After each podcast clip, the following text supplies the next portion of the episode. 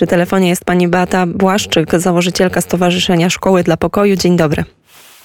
Dzień dobry, bardzo serdecznie dziękuję za zaproszenie i za czas dla Jemenu. No ja bardzo się cieszę, że jest pani naszym gościem. Proszę bardzo. Tak, e, konflikt w Jemenie trwa, końca nie widać. Dzisiaj to 2249 dni tej coraz bardziej zapomnianej wojny i największej katastrofy humanitarnej współczesnego świata. Tak określił to w kwietniu 2018 roku Antonio Guterres. I rzeczywiście jest to niewyobrażalna dla większości z nas katastrofa. To są miliony ludzi cierpiących głód. W Jemenie, w kraju, w którym mieszka około 30 milionów, 30 milionów ludzi, 22, może 23 miliony potrzebują natychmiast pomocy humanitarnej, albo medycznej, albo żywnościowej, a najczęściej jednej i drugiej. Niestety to, to, ta, ta sytuacja jest tam dramatyczna i dotyka ona również w, ogrom, w ogromnej skali e, po prostu dzieci. Tak, tak, dzieci cierpią, dzieci giną, giną każdego dnia i to na, na ogół do mediów nie trafia. E, rozmawiamy dzisiaj w piątek. We wtorek w Taiz. Taiz to jest miasto w Jemenie chyba najcięższej doświadczone, jeśli mamy wybrać e, część kraju czy miasto, które ucierpiało najbardziej, to Taiz na pewno jest jednym z takich miejsc. Miasto w stanie oblężenia, miasto snajperów, często tak, e, tak nazywane. Eksplozja. Do tej pory nikt się nie przyznał, no ale najprawdopodobniej jest to dzieło rebeliantów Husi. Wielka eksplozja w centrum. 22 osoby trafiły do szpitala. Jedna osoba zginęła na miejscu. Wielu bardzo ciężko rannych, w tym także dzieci, bo to było w centrum miasta, w pobliżu bazaru. Dzieci giną każdego dnia. W samym marcu tego roku było pięć ataków na szkoły. I dodatkowo można jeszcze powiedzieć tutaj też o, o dramatycznej, dramatycznej e, sytuacji, jeżeli chodzi o ośrodki zdrowia, bo mamy informację, że działa tam nawet niespełna połowa ośrodków zdrowia, a te, które pracują i tak nie mają ani leków, ani sprzętu, ani już teraz e, personelu. Ten atak e, wtorkowy w Tajis to był około kilometra od szpitala Lekarzy Bez Granic. Ten szpital był atakowany wielokrotnie.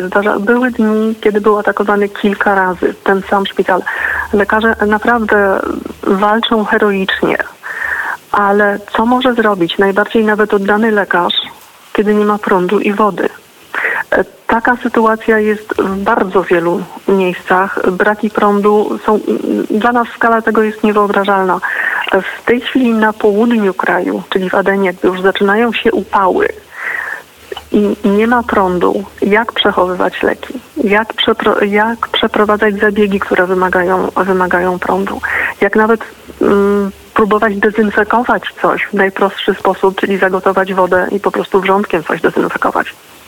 I tutaj po raz kolejny musimy też powiedzieć o tym, że ta pomoc, która nawet jeżeli mm, dociera do Jemenu, to dociera w bardzo taką trudną, żmudną drogą. Nie jest łatwo pomagać ani tam na miejscu, nie jest też łatwo tą pomoc wysyłać. Może Pani jeszcze przybliżyć słuchaczom Radia Wnet, w jaki sposób świat stara się pomagać, w jaki sposób Stowarzyszenie Szkoły dla Pokoju starają, starają się pomagać i, i jak ten cały proces się odbywa? Zarówno najwięksi, tak jak Światowy Program Żywnościowy, jak i najmniejsi, czyli chociażby my, Stowarzyszenie Szkoły dla Pokoju, zderzamy się z tym samym. Za każdym razem, gdy chcemy przeprowadzić dystrybucję tak zwanych koszyków żywności, czyli takich zestawów żywności, które pozwolą zwyczajnie rodzinie przez miesiąc nie, nie umrzeć z głodu, musimy mieć zezwolenie od władz a skoro 80% ludności mieszka na terenach, które są w rękach Husi, oni z tego też potrafili zrobić sobie źródło dochodu. E, źródło dochodu głównie oczywiście, gdy mówimy tu o tych największych organizacjach, które po prostu muszą za, za zezwolenia płacić w sposób oficjalny bądź nieoficjalny. W wypadku nasze, naszej organizacji, czyli bardzo małej organizacji, która współpracuje z kolei z jemeńską, też niewielką organizacją, to są raczej, to jest raczej szukanie sposobów, szukanie drogi dojścia. Czasami trzeba po prostu uzbroić się w cierpliwość. To nie jest łatwe, gdy widzi się ludzi naprawdę narażonych na śmierć głodu. Jest żywność, ale nie można jej wydać.